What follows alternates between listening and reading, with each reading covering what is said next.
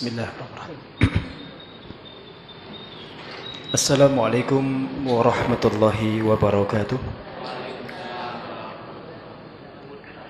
الحمد لله رب العالمين. والصلاة والسلام على أشرف الأنبياء والمرسلين سيدنا ونبينا محمد وعلى آله وصحبه أجمعين. أشهد أن لا إله إلا الله وحده لا شريك له وأشهد أن محمدا عبده ورسوله لا نبي ولا رسول بعده أما بعد معاشر المسلمين رحمكم الله الحمد لله atas izin Allah Subhanahu wa taala kita kembali diberikan kesempatan untuk bermuajah malam hari ini dalam rangka kajian tafsir surah An-Nisa. Mari selalu kita memohon kepada Allah Subhanahu wa taala, mudah-mudahan Allah memberikan kita amal yang istiqomah dan ilmu yang bermanfaat di dunia wal akhirah. Salawat dan salam semoga selalu mengalir terjual limpahkan untuk junjungan kita Nabi besar Muhammad sallallahu alaihi wasallam yang selalu kita nantikan syafaatnya dan kita ikuti sunnah-sunnahnya.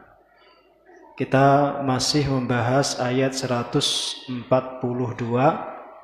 sampai 147. Kemarin sampai 143. A'udzu billahi minasy syaithanir rajim.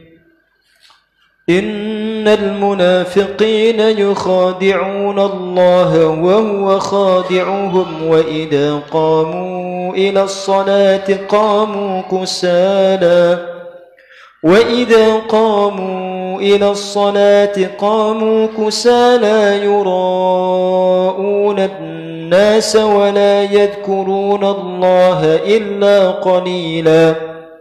مذبذبين بين ذلك لا إله هؤلاء ولا إله هؤلاء. ومن يضلل الله فلن تجد له سبيلا. يا أيها الذين آمنوا لا تتخذوا الكافرين أولياء من دون المؤمنين. أتريدون أن تجعلوا لله عليكم سلطانا مبينا؟ إن المنافقين في الدرك الأسفل من النار ولن تجد لهم نصيرا إلا الذين تابوا وأصلحوا واعتصموا بالله وأخلصوا دينهم لله وأخلصوا دينهم لله فأولئك مع المؤمنين وسوف يؤتي الله المؤمنين أجرا عظيما ما يفعل الله بعذابكم إن شكرتم وآمنتم وكان الله شاكرا عليما إن المنافقين Sesungguhnya orang-orang munafik yukhati'un Allah. Mereka terus berusaha menipu Allah. Wahwa sedangkan dia Allah yukhadi'uhum justru yang menipu mereka. Wa idza qamu dan jika mereka bangkit ila salati untuk mengerjakan salat qamu maka mereka bangkit kusala dengan malas-malasan yuraunan nas. Mereka berusaha untuk memamerkan pahala memamerkan amal kepada manusia. Wala Allah dan mereka tidak mengingat Allah illa qalilan kecuali sedikit. Mudzadzabina baina dzalik. Mereka ya mudzadzabina baina dzalik. Mereka tidak memiliki pendirian di antara hal itu La ilaha ula tidak berpihak kepada mereka orang-orang yang beriman. Wala ilaha ula dan tidak pula berpihak kepada mereka orang-orang kafir. Waman dan barang siapa yudlil yudlilillahu yang Allah menyesatkan mereka falan tajida lahu sabila maka tidak akan engkau dapati untuknya jalan menuju kebenaran, menuju hidayah. Ya ayyuhalladzina amanu wahai orang-orang yang beriman, la tattakhidu, janganlah kalian menjadikan al-kafirina orang-orang kafir, awliya'a para wali. Min dunil mu'minin selain daripada orang yang beriman. Aturiduna an taj'alu lillahi alaikum sultanan mubina. Aturiduna apakah kalian ingin an taj'alu menjadikan lillahi untuk Allah alaikum atas kalian. Sultanan mubina satu alasan yang nyata untuk mengazab kalian. Innal munafiqin sesungguhnya orang-orang munafik darukil asfali minan nar. Di kerak neraka yang paling bawah. Walan tajida dan tidak akan engkau dapati lahum bagi mereka nasiran seorang penolong pun tabu kecuali orang-orang yang bertaubat. Wa aslahu dan memperbaiki. Melakukan islah perbaikan. Wa tasamu dan berpegang teguh billahi dengan tali Allah. Wa akhlasu dinahum dan mengikhlaskan memurnikan agama mereka. Lillahi hanya untuk Allah. Faulaika maka mereka itulah ma'al mu'minin bersama orang-orang yang beriman. Wa sawfa yu'tillah al-mu'minina ajran 'azima. Dan Allah akan memberikan kepada orang-orang yang beriman pahala yang besar, pahala yang agung. Ma yaf'alullahu bi'adzabikum Allah tidak akan mengazab kalian in syakartum jika kalian bersyukur wa amantum dan kalian beriman. Wa kana Allahu syakiran alima. Dan Allah Maha mensyukuri dan Maha mengetahui. Kemarin kita sudah membahas ayat 142 143 ya. Kita lanjutkan di ayat 144 bagian kedua. Saya ulang ya, ayat 144 ini. يا أيها الذين آمنوا لا تتخذوا الكافرين أولياء من دون المؤمنين أتريدون أن تجعلوا لله عليكم سلطانا مبينا Wahai orang-orang yang beriman, janganlah kalian menjadikan orang-orang kafir itu sebagai wali-wali selain daripada orang beriman. Apakah kalian hendak menjadikan untuk Allah atas kalian itu satu alasan yang nyata untuk mengadab kalian? Pertama, ini pesan Allah Subhanahu wa taala khususan untuk orang beriman. Kata Allah di ayat ini, jangan sekali-kali kalian menjadikan orang kafir itu sebagai wali. Jangan menjadikan orang-orang kafir itu sebagai wali, seperti perilaku orang munafik. Orang munafik itu lebih senang berwalak kepada orang kafir daripada kepada orang beriman. Lebih senang menjalin hubungan mesra, hubungan setia dengan orang kafir daripada orang beriman. Tabiat orang munafik itu seperti itu. Nah kalian wahai orang beriman jangan seperti itu kata Allah. Jangan sekali-kali berperilaku seperti orang kafir itu, seperti orang munafik itu. Maka diletakkan ini ayat ini di tengah-tengah ayat yang membahas orang munafik. Ya, kalau kita cermati ini seperti jumlah i'tiradiyah dalam bahasa Arab dalam sastra itu seperti kalimat sisipan. Tidak ada seolah-olah tidak ada hubungan antara ayat sebelumnya dan setelahnya. Tapi di keterangan kitab ini saya bacakan ya. Asy-Syaukani mengingatkan itu. Kata beliau gini, "Ai la taj'aluhum khassatan lakum wa bitanatan tuwalunahum min duni ikhwanikum minal mu'minin kama fa'alal munafiqun min muawalatihim lil kafirin." Jadi makna la tattakhidul kafirina awliya'a min dul mu'minin itu maksudnya la taj'aluhum jangan jadikan mereka orang-orang kafir itu khosotan lakum. Orang-orang spesial bagi kalian. Orang-orang yang kalian khususkan posisinya. Wabitonatan dan jangan dijadikan juga bitonah. Bitona itu penyimpan rahasia. Orang-orang yang dipers yang diserahi rahasia. Perkara-perkara penting yang menyangkut urusan strategis umat Islam. Jangan diserahkan sama mereka. Tuwalunahum yang kalian lebih loyal, lebih setia dengan mereka min duni ikhwanikum minal mu'minin. Daripada orang-orang beriman, saudara kalian sendiri. Kama fa'alal munafikun. Seperti perilaku orang-orang munafik. Min muwalatihim lil kafirin. Berupa loyalitas mereka itu mereka berikan kepada orang kafir. Berarti ayat ini ada munasabahnya, ada hubungannya dengan ayat sebelum dan setelahnya. Yang memberikan informasi seputar orang munafik gitu. Jelas ya? Ini kalau di dalam kajian ulumul Quran itu disebut ilmu munasabat. Ilmu yang mengaitkan antara ayat dengan ayat atau surat dengan surat itu. Ya, karena setiap ayat itu pasti ada hubungan dengan ayat sebelumnya atau setelahnya. Antara surat dengan surat itu ada hubungannya. Jadi cara mengaitkannya begitu. Jadi pesannya apa tadi? Jangan jadikan orang-orang kafir itu sebagai wali. Nah, kata beliau tadi, di antara makna wali itu orang-orang khusus, orang-orang spesial.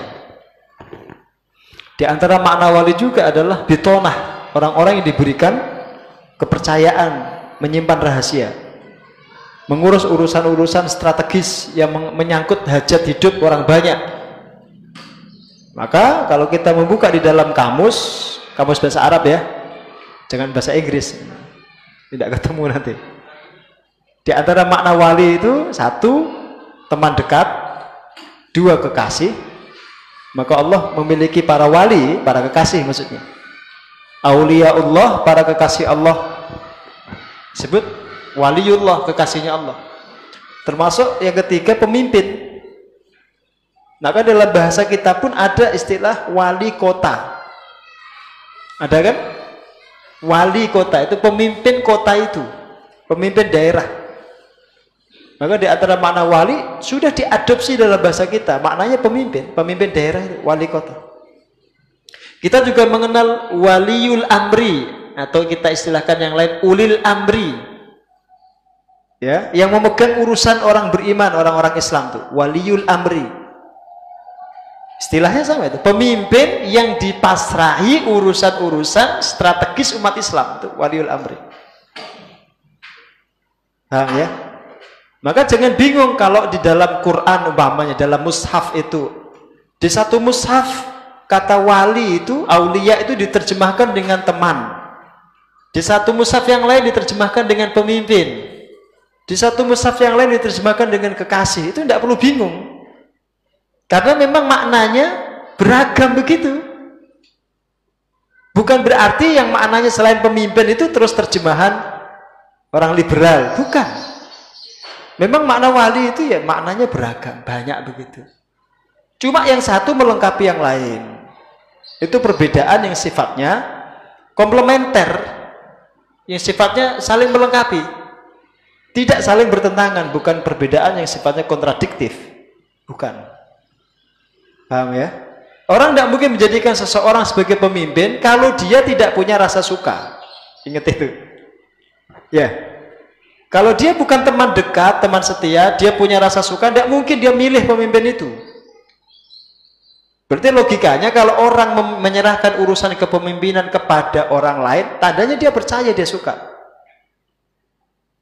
Ya. Makanya kemudian orang beriman dipesan, jangan jadikan orang kafir itu sebagai wali-wali kalian. Berarti tercakup juga di makna itu jangan menunjuk pemimpin orang kafir itu. Paham? Maka ulama-ulama sunnah sejak dulu, sudah dulu punya kesepakatan, punya ijma, punya kesimpulan berdasarkan ayat ini haram hukumnya menjadikan orang kafir sebagai pemimpin itu sudah final termasuk aksiomatik di dalam urusan agama perkara yang baku sekarang aja orang dibuat bingung itu karena banyak tafsir-tafsir liberal ya orang tidak punya kapasitas tidak punya kompetensi menafsirkan Quran semau perutnya sendiri Sehingga mereka mengatakan, lah bolehlah nunjuk pemimpin orang kafir. Yang nggak boleh itu kalau dia jadi presiden, jadi kepala negara. Kata mereka begitu. Tapi nanti kalau pilihan presiden ada orang kafir yang maju nyalon, mereka juga akan dukung itu. Belum ada kesempatannya aja itu. Sekarang kan baru kepala daerah, bupati, paling ya, wali kota, gubernur, paling gitu. Suatu saat ketika mereka itu punya kesempatan untuk mengambil kekuasaan di tingkat negara, mereka akan ambil itu. Maka umat Islam juga harus waspada. Mereka bergerak dari semua lini. Jadi tidak cuma membayari para pengurus negara ini, tetapi juga mengamandemen undang-undang. Harus paham itu, umat Islam harus paham. Mereka menggunakan berbagai cara, termasuk bayari sebagian anggota dewan untuk mengamandemen undang-undang sesuai kepentingan mereka. Di sini cakupan maknanya nih. Makanya kalau kemudian kita bahas ayat ini tidak kita kontekstualkan dalam kehidupan sehari-hari, ya nanti seolah-olah nggak ada hubungannya dengan urusan politik. Padahal ayat ini terkait erat dengan urusan politik. Meskipun tidak harus dibawa ke sana secara utuh itu tidak, tidak harus.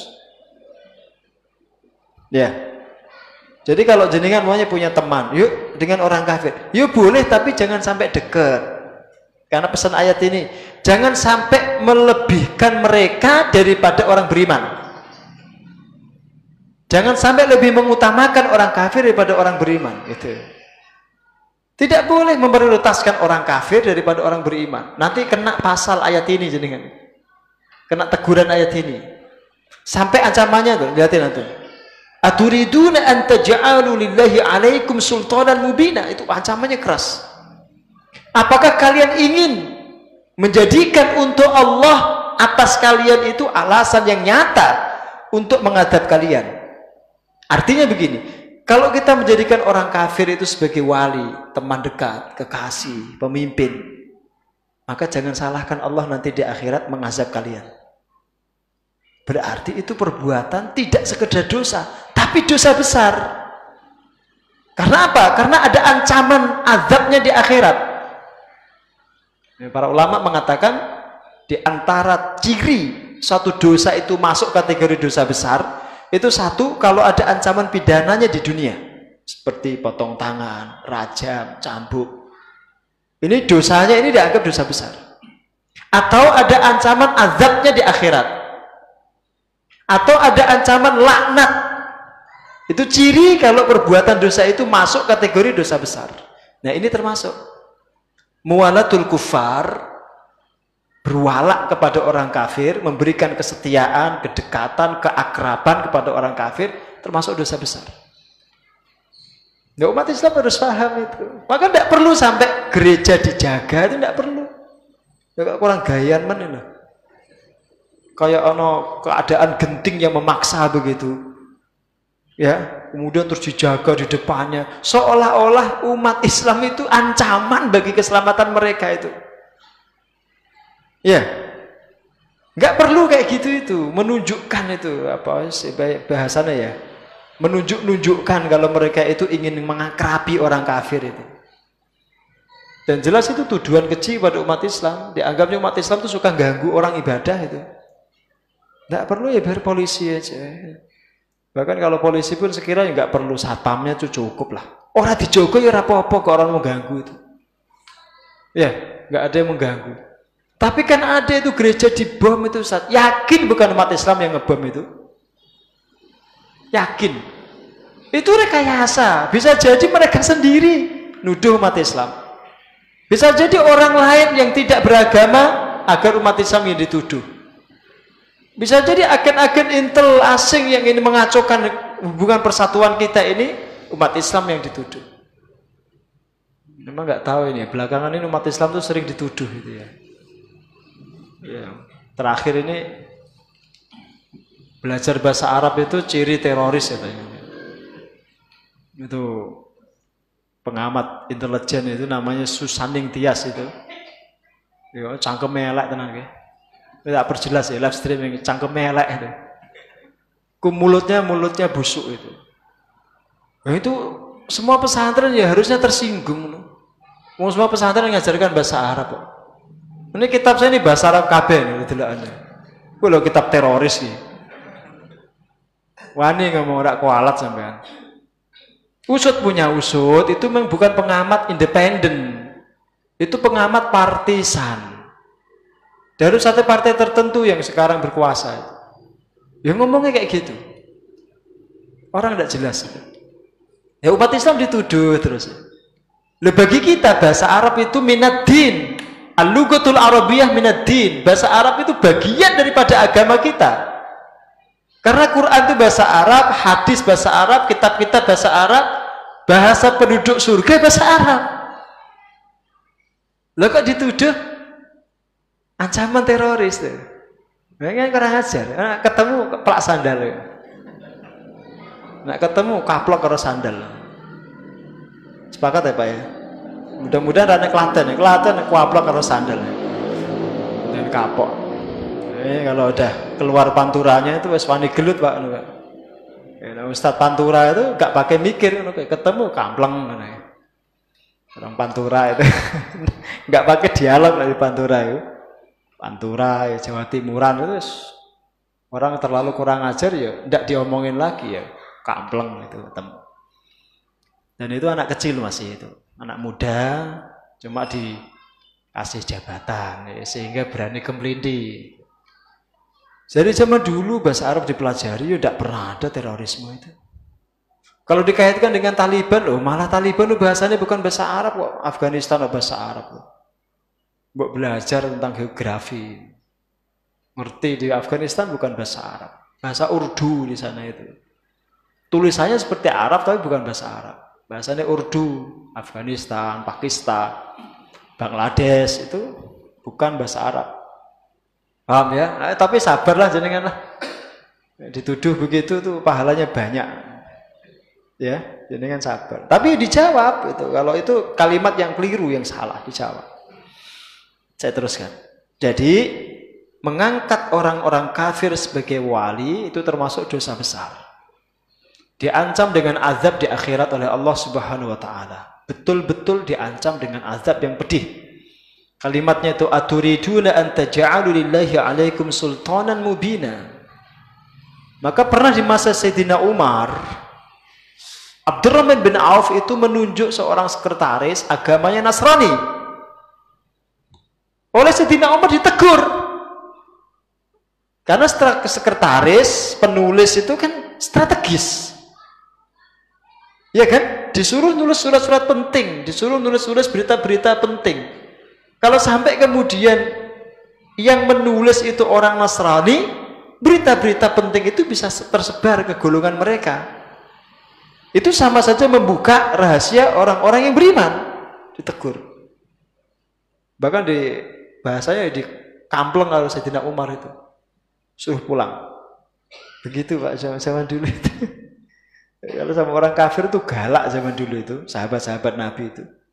Yang enggak model orang-orang sekarang ini yang model lembek begitu ya.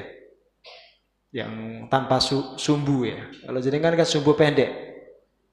Ini orang-orangnya nggak punya sumbu dia sehingga dengan orang kafir itu ya deket mesra begitu itu bisa berdampingan, bisa cipika-cipiki itu Pak ya. Bahkan doa bersama itu. Lagi.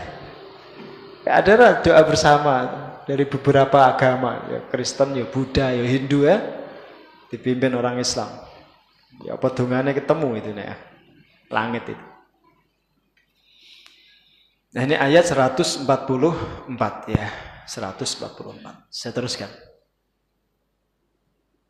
Aturiduna an taj'alu lillahi alaikum sultanan mubinan al-istifhamu lit-taqri'i wa taubih. Itu kan ada kalimat pertanyaan itu. Apakah kalian ingin menjadikan untuk Allah atas kalian itu alasan yang nyata untuk menghadap kalian? Itu kata beliau, itu pertanyaan untuk menghardik. Gak butuh jawaban itu. Artinya ada kepastian Pasti Allah akan mengazab kalian kalau kalian melakukan hal itu. Tapi dibentuk dengan istifham, dengan pertanyaan. Al-istifham li taqri' wa taubih. Untuk menghardik dan mencela. Ai aturiduna an taj'alul lahi 'alaikum hujjatan bayyinatan yu'adzibukum biha bisababi irtikabikum lima nahakum anhu min muwalatil kafirin. Apakah kalian ingin menjadikan untuk Allah atas kalian itu hujah yang nyata, satu alasan yang nyata untuk menghadap kalian? Karena sebab kalian menjadikan orang-orang kafir itu sebagai para wali. Itu kata beliau ya, Syekh Ash-Shawqani di dalam kitabnya ini. Ini yang saya bawa ini tafsir Fathul Qadir tulisan Ash-Shawqani. Jadi saya ulangin menjadikan orang-orang kafir sebagai kekasih, sebagai teman dekat, lebih dekat dengan mereka daripada orang beriman, menjadikan mereka pemimpin itu termasuk dosa besar. Ingat-ingat ya, dosa besar. Nah gimana itu Ustaz? Kan ada di surat Al-Ma'idah itu seorang laki-laki muslim boleh menikahi wanita Nasrani. Itu gimana itu? Ya, berarti kan dia mencintai. Eh, ntar dulu. Selain itu ada syaratnya, itu syarat dan ketentuannya berlaku itu juga strategi dakwah. Boleh ada nikahi orang Nasrani, wanita Nasrania, laki-lakinya Muslim, wanita Nasrania. Kalau tujuan Anda mendakwahi dia, mengajak dia masuk Islam. Mempengaruhi dia agar nanti masuk Islam. Boleh. Tapi kalau Anda yang terseret juga boleh. Kalau anak-anak Anda malah kemudian jadi Nasrani, ya tidak boleh. Paham? Makanya kemudian dalam sejarah itu orang-orang dinikahi sahabat. Sahabat ini muslim laki-laki, wanita Nasrani, akhirnya masuk Islam. Ya, akhirnya masuk Islam. Dan itu memang ada diskursus seputar itu. Ya, perbedaan pendapat lah. Ada yang mengatakan boleh berdasarkan ayat 5 surat Al-Maidah itu. Ya, ada yang mengatakan tidak boleh karena memegang teguh ayat wala tankihul musyrikati hatta yu'minna Jangan nikahi wanita-wanita musyrikah sampai mereka beriman. Ada perbedaan di situ. Tapi kalaupun kemudian memilih menikahi tujuannya apa? Untuk mendakwahi mereka agar masuk Islam. Ada misi itu. Kalau nggak ada misi ya ngapain? Wanita muslimah aja masih banyak. Yang suci, yang bersih, yang tahirat masih banyak. Ngapain nyari wanita yang biasa makan babi? Ya, orang Nasrani kan biasa makan babi tuh minum khamr, dalam darah dagingnya ada najis. Ngapain dinikahi? Ya Pak. Apalagi wanita Korea itu, wes selain senang makan babi, minum jo, apa soju, minum khamr itu, udah gitu mereka itu palsu, Pak. Kelihatan cantik tapi itu operasi plastik. Ketipu sampean, aslinya jelek. Cuma dioperasi, diperbagus, dipermak itu. Jenengan pun yakin kalau dipermak ganteng Pak jenengan itu. Yakin karena nggak dipermak aja. Kelihatan ya ireng ya. Dipermak yuk ganteng. Kayak artis-artis Korea itu ya kan. Seharian tadi ada kawan-kawan dari Korea itu yang japri, yang pengen nitip infak sedekah itu untuk pembangunan itu. Ya karena saya posting di Facebook tadi, saya tag, saya tag, saya saya kabari mereka ini ya mau ngecor lantai dua, ya, yang mau nitip sedekah silahkan. Seharian tadi itu beberapa orang jabri saya. Ya orang Indonesia, mas. orang Purwodadi, orang Demak, Padi, pada nitip ya. Ya lumayan lah. Kalau dirupiahkan kan, won itu tinggi pak ya kalau dirupiahkan. Saya teruskan ayat berikutnya. Innal munafiqina fid darkil asfali minan nar wa lan tajida lahum nasira. Sesungguhnya orang-orang munafik itu berada di neraka yang paling bawah. Bahasa saya tadi, di kerak neraka yang paling bawah dan engkau wahai Muhammad tidak akan mendapati untuk mereka seorang penolong pun. Maksudnya sekalipun engkau ingin menolong mereka, engkau pun gak akan bisa. Anda engkau ingin membebaskan mereka dari neraka, wahai Muhammad, engkau pun tidak akan bisa. Ya, saya bacakan tafsirnya.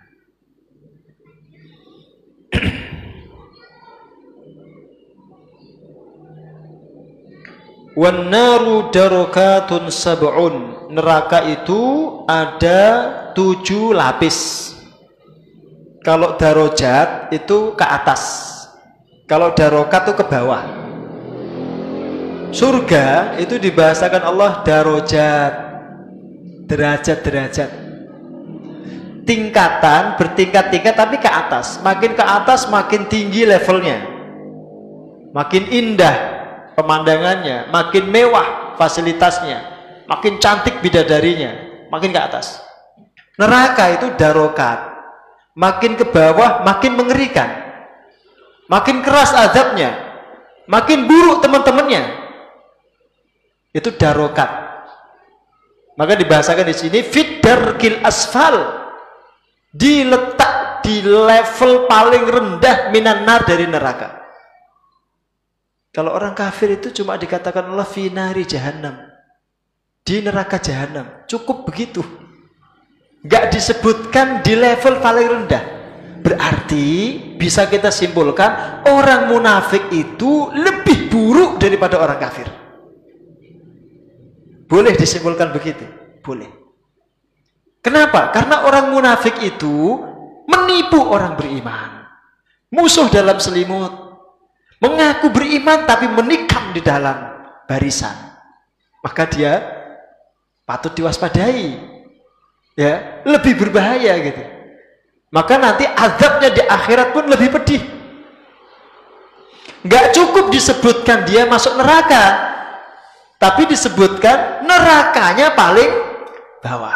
Jadi makin ke bawah itu selain makin keras azabnya makin dekat dengan bahan bakarnya. Jadi kan kalau bakar sesuatu itu kan bahan bakarnya masih di bawah tuh yang paling bawah itu kan mesti paling dekat dengan apinya. Suhu di atas dengan di bawah itu lebih tinggi di bawah. Kalau di bawah itu bisa sampai 300 derajat Celcius, di atas itu paling 190 paling. Kalau neraka itu lebih keras lagi. Paham ya? Dan bahan bakarnya bukan kayu Pak neraka itu. Apa bahan bakarnya? Manusia dan bebatuan. Manusia yang dimaksud itu siapa? Orang-orang kafir dan orang munafik itu. Jadi bisa dibahasakan bahwa bahan bakar neraka itu ya orang kafir dan orang munafik itu. Yang dijadikan bahan bakar di neraka itu ya mereka itu. Maka hati-hati ya. dibersihkan hatinya dari penyakit kemunafikan. Jangan sedikit pun ada cinta dengan orang kafir.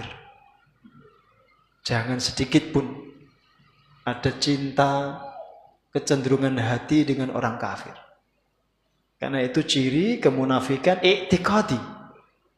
Bukan sekedar kemunafikan amali, tapi iktikadi, berangkat dari keyakinan.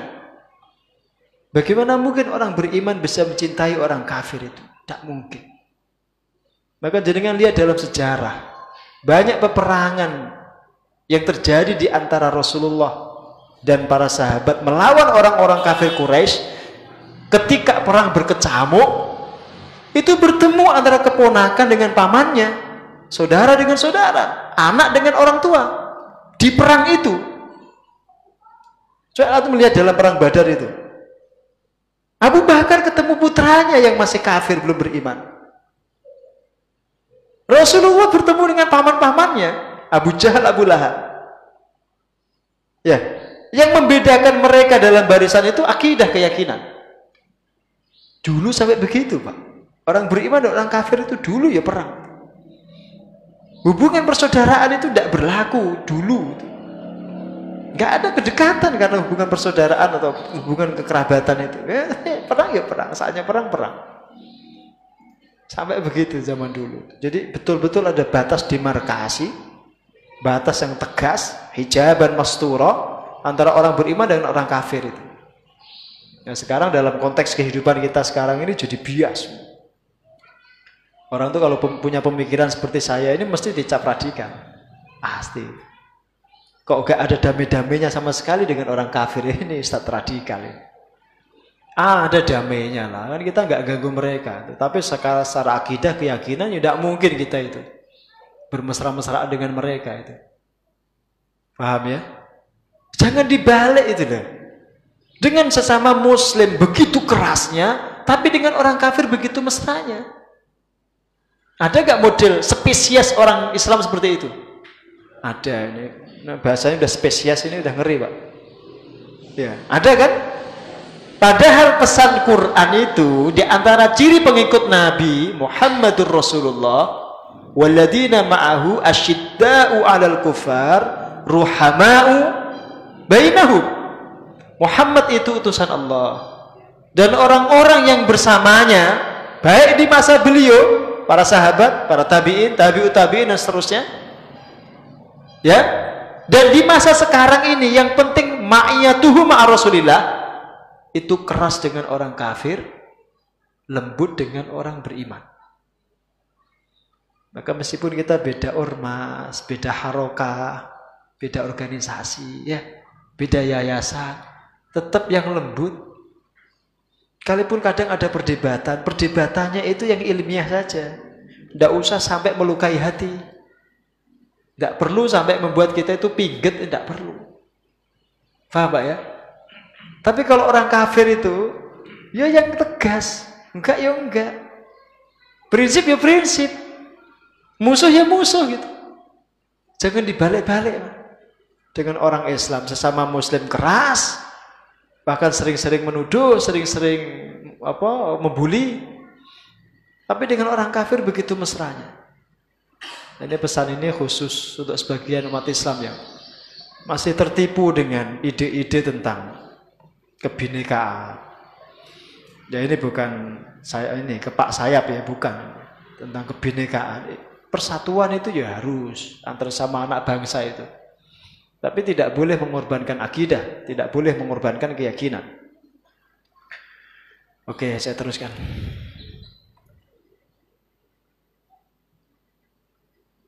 Saya bacakan ya.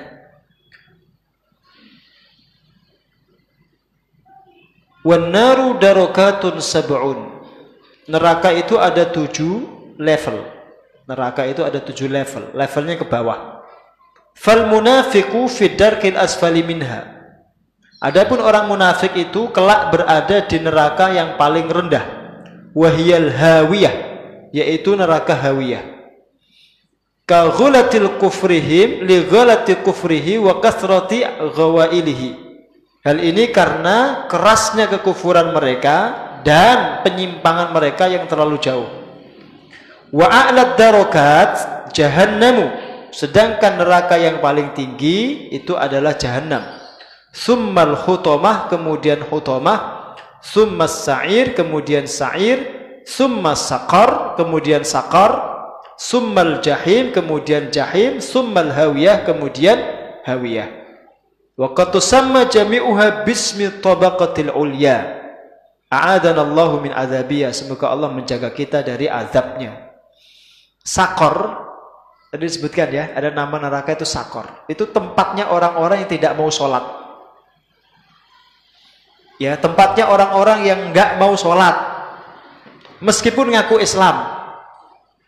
Pokoknya tidak mau sholat tempatnya di situ. Nanti di situ bareng Fir'aun, bareng Korun, bareng Haman. Itu kata Rasul. Dan Ubay bin Khalaf. Di situ tempatnya itu. Berarti orang yang tidak mau sholat itu selevel dengan Korun. Kok dikatakan bersama Korun, bersama Fir'aun, bersama Haman, bersama Ubay bin Khalaf? Kata para ulama, yang kesibukan mencari uangnya sampai melupakan dia dari sholat, temannya Korun yang pangkat jabatannya menjadikan dia lupa sholat bersama Haman yang kekuasaannya, kerajaannya menjadikan dia tidak mau sholat bersama Fir'aun. Yang bisnisnya, perniagaannya menjadikan dia lupa sholat dia bersama Ubay bin Khalaf. Itu tokoh-tokohnya di situ semua. Saudaraku yang saya cintai umat Islam yang masih belum mau sholat ya segera sholat sebelum disolati. Ya, kan sholat itu ringan aja, cuma lima menit itu. lima kali lima itu cuma 25 menit toh. Bahkan jangan sudah hafal loh, 3 menit selesai. Ya kan? Ya sholat itu diambil minimalisnya aja bisa kok. Dan itu juga salah satu cara yang dilakukan sebagian sahabat, asar terutama itu kan. Itu diajarkan cepat memang pelaksanaannya. Kenapa? Karena tanggung kan waktunya asar itu. Pekerjaan belum rampung betul. Waktunya sudah mepet maghrib kan. Maka diajarkan cepat. Yang kedua memang godaan setan di waktu asar itu berat. Berat itu. Padahal muncul malas kata, nah disuruh cepat. Makanya diajarkan cepat. Cuma tiga menit lah. Kalau rata-rata sholat jenengan tiga menit tuh kali lima, lima belas menit. Jenengan punya waktu 24 jam, diminta Allah 15 menit aja ndak mau. Ngono kok pengen suge, pengen bahagia, pengen tenang, lagi. Tapi jangan jangan diniati sholat itu karena pengen kaya ya. ya kayanya di akhirat jangan di sini. Kadang-kadang orang itu terlalu duniawi itu. Ibadah itu loh ibadah itu masih diniati untuk dunia kok. Kan kebangetan itu. Ibadah loh, diniati untuk dunia kan ya. Banget gak pahamnya kalau ibadah itu urusannya akhirat. Diniati untuk dunia pengen kaya, rajin sholat duha. Boleh, ya boleh siapa yang larang, nggak ada yang larang. Boleh. Tapi ya rugi jenengan itu. Terus apa suge harap ngapa? Niat itu jangan jangan pendek begitu. Pengen jadi ahli sedekah itu boleh jadi. Kalau sekedar kaya apa gunanya kalau nggak rajin sedekah? Maka kalau punya cita-cita itu dinaikkan, di-upgrade, didongkrak lebih tinggi, jangan sekedar kaya ingin jadi ahli sedekah. Ya, kalau doakan anak juga gitu pak. Ya Allah jadikan anakku ahli sedekah, otomatis dia kaya. Paling tidak berkecukupan. Paling tidak dia itu tidak meminta-minta. Punya kelebihan sehingga dia bisa infakkan, bisa sedekahkan. Tapi kalau jadikan doakan, ya Allah jadikan anak-anakku, putra-putraku orang-orang yang kaya. Belum tentu mau sedekah. Malah sering kali lupa sholat gara-gara ngurus kekayaan. Ngitung duit terus ke sana mangani tuyul ya kerja. Ya karena pelihara tuyul. Oke. Ya, Jangan sampai salah doa itu bahaya. Ya, ditata kalau berdoa. Ya, tadi ada nama neraka itu sakor ya, sakor. Oke, saya teruskan. Walan tajida lahum nasira. Engkau tidak akan dapati untuk mereka seorang penolong pun yukhlisuhum min dalika darki wal khitabi likulli man yasluhu lahu awlin nabi. Penolong yang bisa menyelamatkan mereka dari neraka yang paling rendah itu, yang paling bawah itu. Nah ini kalimat ini ditujukan kepada siapa pun dan juga kepada Nabi Shallallahu Alaihi Wasallam. Kita masuk di ayat berikutnya ya 146 illalladzina tabu kecuali orang-orang yang bertaubat istisnaun minal munafikin. Ini pengecualian dari golongan orang munafik. Ay illalladzina tabu anin nifaq kecuali orang-orang yang bertaubat dari kemunafikan. Wa aslahu ay ma'afsadu min ahwalihim. Memperbaiki apa-apa yang pernah mereka rusak dari kondisi-kondisi mereka wa akhlas udinahum lillah ay ja'aluhu khalisan lahu ghayra musyawwabin bi ta'ati ghairihi. Mengikhlaskan agama semata untuk Allah maksudnya benar-benar berusaha ikhlas tidak mencari kecuali ridho Allah. Wal i'tisamu billah at-tamassuk bihi wal wusuk bi wa'dihi. Berpegang teguh dengan tali Allah itu maksudnya komitmen dan meyakini janji Allah Subhanahu wa taala Oke, ini saya jelaskan. Jadi memang Allah itu benar-benar maha baik, benar-benar maha baik. Sekalipun orang munafik itu begitu buruknya di pembahasan-pembahasan sebelumnya itu. Tapi tetap dikasih kesempatan tobat ini. Bukan dikasih kesempatan, diharapkan tobatnya itu.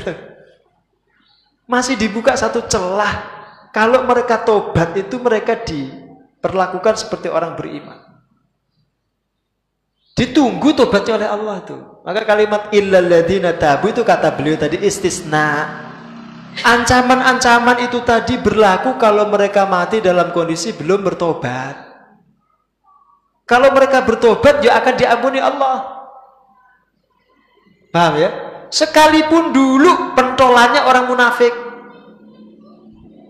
Sekalipun dulu itu sering menghujat atau mencaci maki Islam. Atau sering kali membuat statement-statement yang merusak akidah umat Islam. Tapi kalau dia bertobat, diampuni dosanya. Itu kan berarti benar-benar Allah itu maha baik itu. Tidak ada. Keinginan mengazab itu tidak ada. Kalau nggak kebangetan gitu, tidak mungkin diadab oleh Allah. Maka jadi kan tidak usah terlalu khawatir ya. Ya. Terutama yang rambutnya sudah banyak ubannya itu ya. Allah nggak tegel kan. Ngadap orang yang rambutnya beruban itu tidak tegel. Tidak tega. Ya maka kalau ada tubannya itu disyukuri, seneng aja dengan ada ubannya. Alhamdulillah. Gak usah disemir kan, biarin itu. Gak usah disemir. Ya, itu bagian daripada nur cahaya seorang muslim. Jadi kan bersyukur. Yang nggak punya uban itu bahaya itu. ya punya uban bahaya. Disyukuri. Jadi prinsipnya Allah tuh tidak mau menyiksa orang beriman tuh tidak mau sebenarnya. Tidak mau menyiksa hambanya itu Sekalipun munafik, munafik iktikodi itu. Anda sekelas Abdullah bin Ubay bin Salul itu tobat, ya diterima tobatnya. Anda sekelas Senok Hunronyo itu dalam sejarah kita bertobat, diterima tobatnya. Cuma ada syaratnya. Di sini ada syaratnya. Ayat ini mengupas syarat-syarat tobat dari kemunafikan. Yang pertama, illalladzina tabu, benar-benar tobat, nyesel menyesali perbuatannya. Wa aslahu memperbaiki kondisinya. Maksudnya gini. Kalau dulu dia punya andil merusak Islam, maka dia harus memperbaiki. Ya, memperbaikinya bagaimana? Ya dia berusaha untuk menegakkan syiar Islam. Ikut mendakwahkan Islam, ikut mensyiarkan Islam, memperjuangkan Islam begitu. Itu makna islah memperbaiki. Maka kalau dulu Anda jadi musuh Islam, setelah tobat jadi pejuang Islam. Itu makna Islam. Jelas. Yang kedua, yang ketiga, wa akhlasu dinahum lillah. Betul-betul memurnikan agama itu semata untuk Allah. Tidak boleh lagi ada kepura-puraan.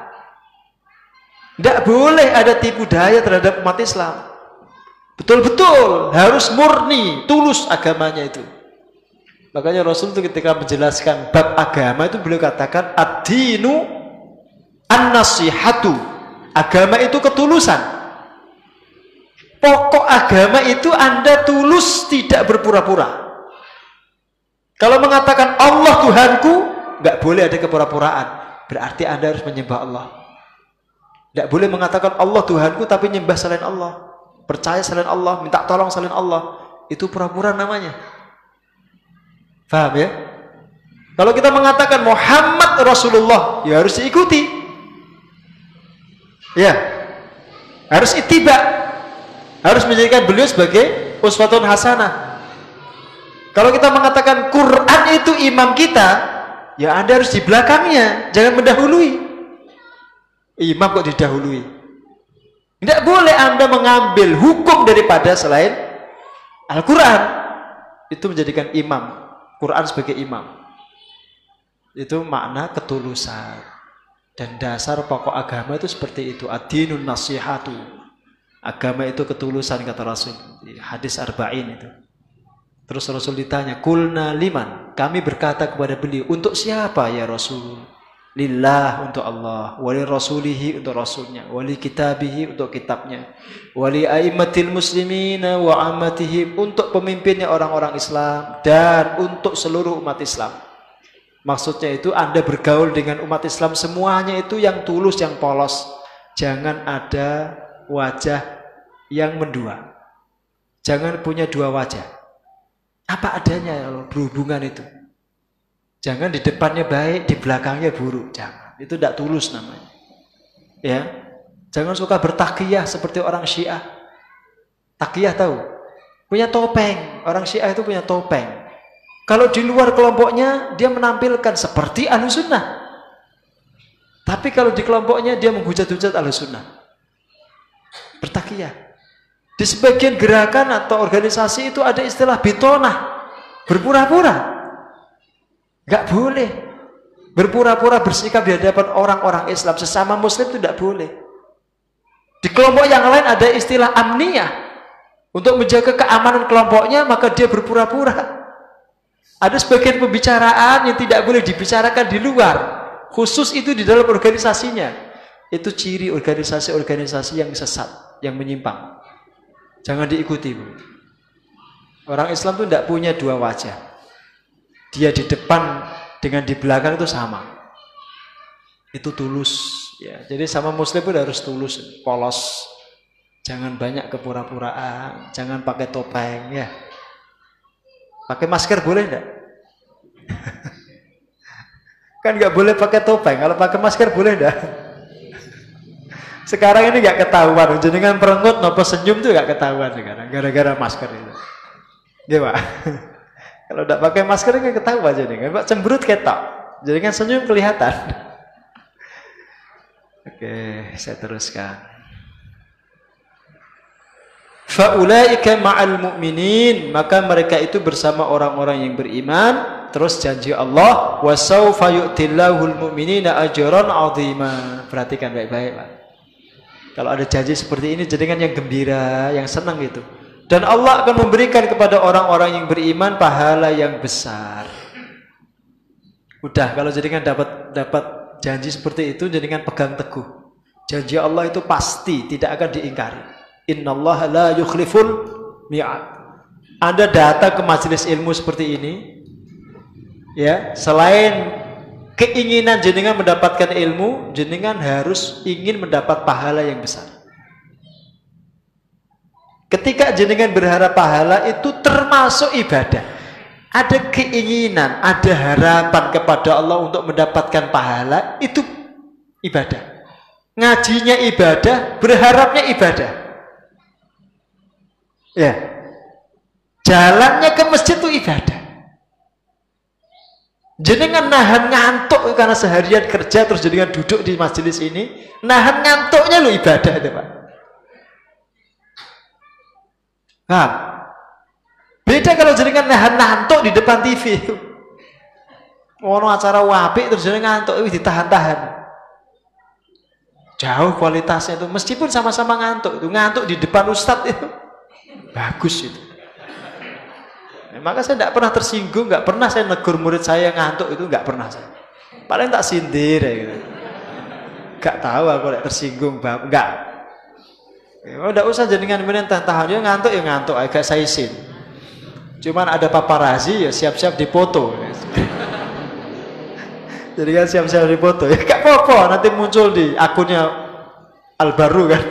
Nah, ini Jawa kita ini seharian bekerja masih sempat-sempatnya ngaji masya Allah ya tidak apa-apa itu. Nggak masalah. Itu ibadah. Kalau jenengan tidak punya keyakinan dengan janji Allah itu jenengan tidak akan beramal.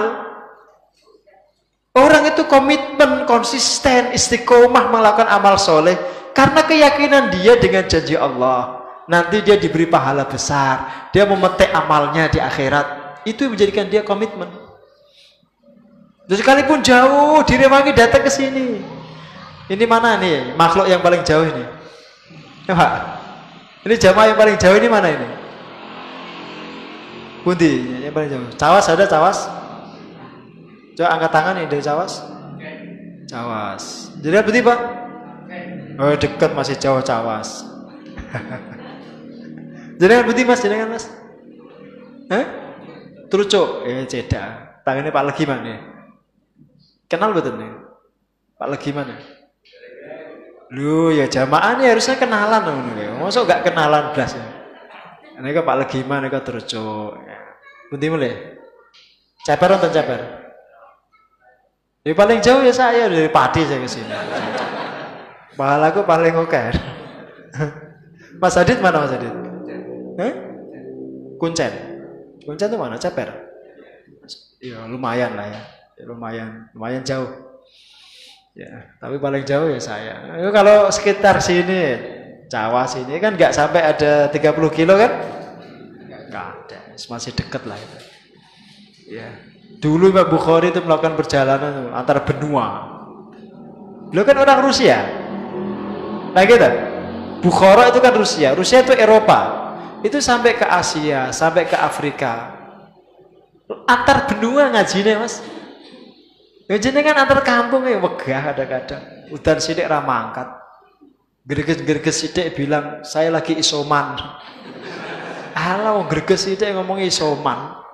Waduh ini ramangkat ngaji. Sekarang tuh enak. Jauh Mamanya arep ramangat kerja nih. Ngomong aja aku lagi gerges. Oh iya suara samangkat. Suara samangkat mati nulah dong kantor. Enak sekali sekarang itu. Bos-bos itu karena pada takut kena corona itu terus karyawan itu pesen. Eh, agar beriang-beriang sidik aja mangkat. Bahaya nanti nulari. Soman. Terakhir. Ma yaf'alullahu bi'adzabikum in syakartum wa amantum wa kana Allahu syakiran alima. Ini kadang orang kalau tidak ngerti bahasa Arab itu menerjemahkannya itu salah. Ya, menerjemahkannya itu salah. Saya pernah lihat terjemahan itu keliru menerjemahkan ayat ini. Ya. Diterjemahkannya ma itu bagaimana gitu. Apakah? Yuk keliru. Ma di situ tuh nafi. Tidak maknanya itu. Kalau diterjemah apakah Allah akan mengazab kalian sementara kalian dalam kondisi bersyukur dan beriman? Itu masih bingung orang. Maka ma itu tidak selamanya pertanyaan. Ma itu ada yang maknanya nafi, tidak. Itu lebih tepat. Begitu tafsirnya. Allah tidak akan mengadab kalian selama kalian bersyukur dan beriman. Pokoknya kalau jenengan syukur, jenengan beriman, tidak mungkin di akhirat diadab Allah. Itu jaminan. Maka tidak usah terlalu takut menghadapi akhirat. Makna syukur itu apa? Jenengan ibadah. Dikon sholat sholat, kon zakat zakat, kon poso poso, kon makat kaji nak mampu makat kaji. Udah itu bentuk kesyukuran. Paham? Dan itu refleksi keimanan. Orang beriman itu mesti syukur kepada Allah. Maka niati ketika jenengan sholat itu, jangan sekedar melaksanakan taklif. Jangan sekedar melaksanakan beban syariat. Tapi upayakan itu sebagai ekspresi kesyukuran. Nanti jenengan merasakan kenikmatan dalam sholat itu. Ya Allah betapa nikmatmu itu sudah terlalu banyak. Sekian banyak nikmatmu itu belum bisa aku syukuri satu persatu. Eh, paling enggak ya saya ketika jenengan suruh sholat tuh saya sholat. Sehingga nanti jenengan tuh berdirinya ya jenengan nikmati, rukuknya jenengan nikmati, sujudnya ya jenengan nikmati. Orang kakek dehem. Imamnya suwe sudik dehem dehem. Watuk-watuk politis itu. Ya. Dinikmati oh namanya sholat itu ekspresi syukur. Itu sering saya ajarkan ke jenengan itu sehingga nanti sujud itu jenengan betul nikmati. Itu momentum paling indah jenengan bersama Allah ketika di dunia. Nanti di akhirat jenengan syukuri itu. Saya pernah ceritakan ke jenengan nanti di akhirat itu cara memisahkan antara ahli surga dengan ahli neraka itu cuma dengan satu perintah. Dikon sujud semua manusia yang jumlahnya nggak terhingga ini dikon sujud, sujudlah kalian. Yang bisa sujud itu ahli surga. Yang tidak bisa pasti masuk neraka. Makanya jenengan sekarang dilatih sejak di dunia itu kon sujud. Ketika sujud itu dinikmati. Ya. Makin lama tuh makin nikmat itu. Paham Pak ya? Nah, gitu. Itu ekspresi kesyukuran. Lah kalau hidup jenengan itu di dunia ini sudah bersyukur, beriman seperti itu, nggak mungkin diazab Allah. Kenapa? Karena Allah punya sifat syakiran aliman. Jenengan bersyukur, Allah lebih bersyukur lagi. Paham? Jenengan berbuat baik, Allah lebih baik lagi. Jenengan berlaku ihsan, Allah lebih ihsan. Paham? Sehingga dijadikan itu sebagai mental, ya mental yang bersyukur, jiwa yang bersyukur. Dan insya Allah orang tuh kalau hidupnya penuh kesyukuran, itu insya Allah jarang sakit. Pak ya, sekarang ini banyak orang dikit-dikit sakit, itu kenapa? Karena tidak mensyukuri nikmat sehat. Malah dikon loro, disuruh merasa sakit. Oh gak loro, dikon loro. Nak ora loro, malah dipidana. Saat ini Lu orang gara-gara dites terus munculnya kata positif, ngono ku terus merasa loro. Padahal dia tuh tidak apa-apa sebenarnya. Alatnya kuwi sik keliru. Ngono gak paham. Sejak kapan alat itu digunakan memfonis kesehatan orang? Yo sejak corona ini, dokter-dokter ya udah goblok ya, gak udah pinter. Wong alat kok dipercaya. Alat itu gak menunjukkan kondisi orang. Paham, Mbak? Tidak menunjukkan kondisi orang. Kok dipercaya? Pokoknya gampang aja kalau jenengan nggak merasakan apa pun, ya berarti sehat. Body positif yuk, sehat ya jenengan aja percaya alat. Ngerti? Tak ajari benernya bersyukur jenengan. Jangan malah jenengan tuh was-was merasa sakit. Sehingga kemudian ketakutan ketemu orang. Kayak gue gue penyakit gue. Padahal dulunya nerima tamu, kedatangan tamu itu artinya kedatangan barokah. Sekarang merasa kena musibah. Orang dua ini nerima tamu. Sekarang itu. Nah gitu. Dulu diyakini salaman menggugurkan dosa-dosa. Sekarang menjadi penyebab transmisi virus. Sehingga semua orang tidak berani salaman. Nah gitu. Dulu di masa normal itu, sholat dengan soft rapat itu, masya Allah itu, selalu diingatkan, sau istaqimu, itu kan. Sesungguhnya lurus rapatnya soft itu kesempurnaan sholat. Sekarang orang dihujat-hujat karena softnya rapat. Oh gak prokas prokes katanya itu. Di mana tuh coba dia letakkan sunnah-sunnah Nabi itu? Maka saya sering katakan itu bid'ah tapi mereka tahu, iya bid'ah, tapi bid'ah hasanah katanya. Oh, berarti mereka sekarang mengakui ada bid'ah hasanah itu. Ya, bid'ah hasanah itu, itu contohnya sob jarang-jarang itu. Paham Pak ya? Maka disyukuri. Jadi itu sehat. Pokoknya tak. Ya Allah terima kasih engkau telah memberikan kesehatan kepada saya. Bangun tidur. Alhamdulillahilladzi ahyana ba'da ma amatana ilahi nusyur. Yang pertama kali diucapkan alhamdulillah. Itu spirit kesyukuran. Itu spirit kesyukuran. Nanti kalau jenengan bangun mental jenengan seperti itu sehat jenengan tuh. Sehat, sehat. Tandanya orang sehat itu juga ada gejala sama sekali. Pak, maka saya sejak awal corona ini selalu membantah teori OTG itu saya bantah. Di mana-mana saya bantah. Siapa dokter yang bilang itu suruh debat dengan saya? Berani saya itu. Tidak mungkin ada penyakit, oh gak ada gejalanya orang mungkin. Oh edian bela ya. Mau munafik penyakit hati ada gejalanya kok. Gitu. Waya sholat aras-arasan lagi. Ini ini penyakit hati tapi munafikan itu itu aja ada gejalanya kok.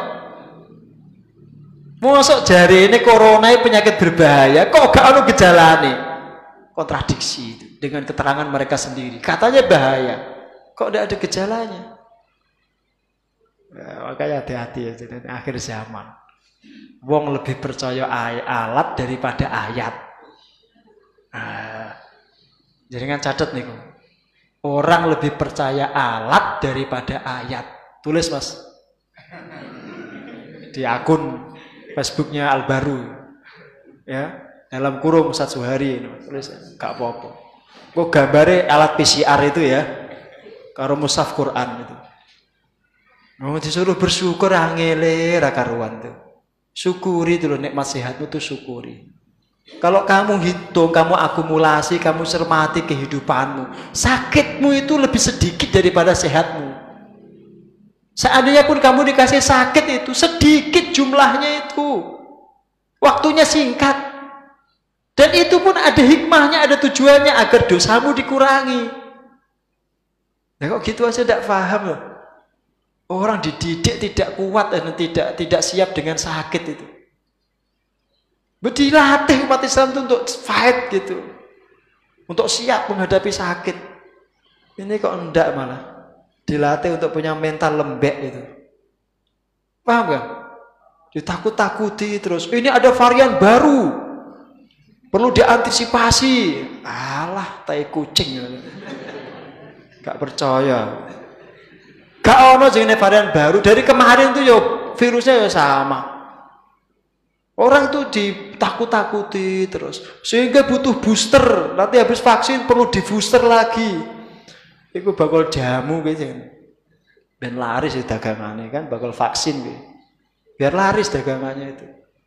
Mbok bersyukur gitu loh.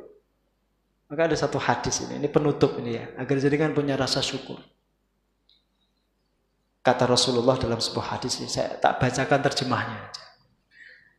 Kalau kalian berpagi-pagi dalam kondisi sehat badan, aman keadaan, punya makanan hari itu, maka dunia sudah diberikan kepadamu. Kata Rasul. Jadi kalau pagi hari itu badanmu sehat, kondisi lingkunganmu aman, nggak ada perang, nggak ada kerusuhan, terus hari itu kamu sudah bisa makan, itu seolah-olah dunia seisinya dikasihkan ke kamu.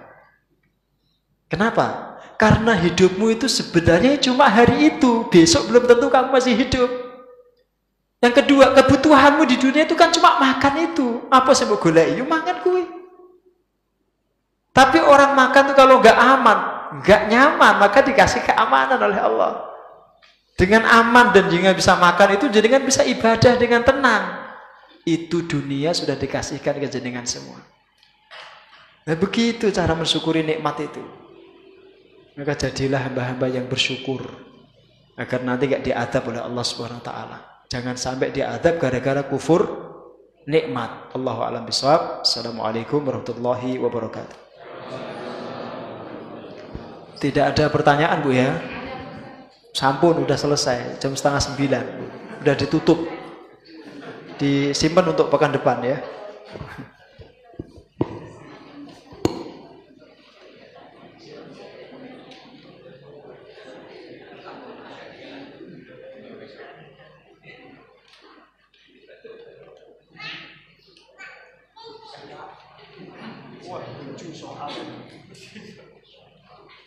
depan lu ya.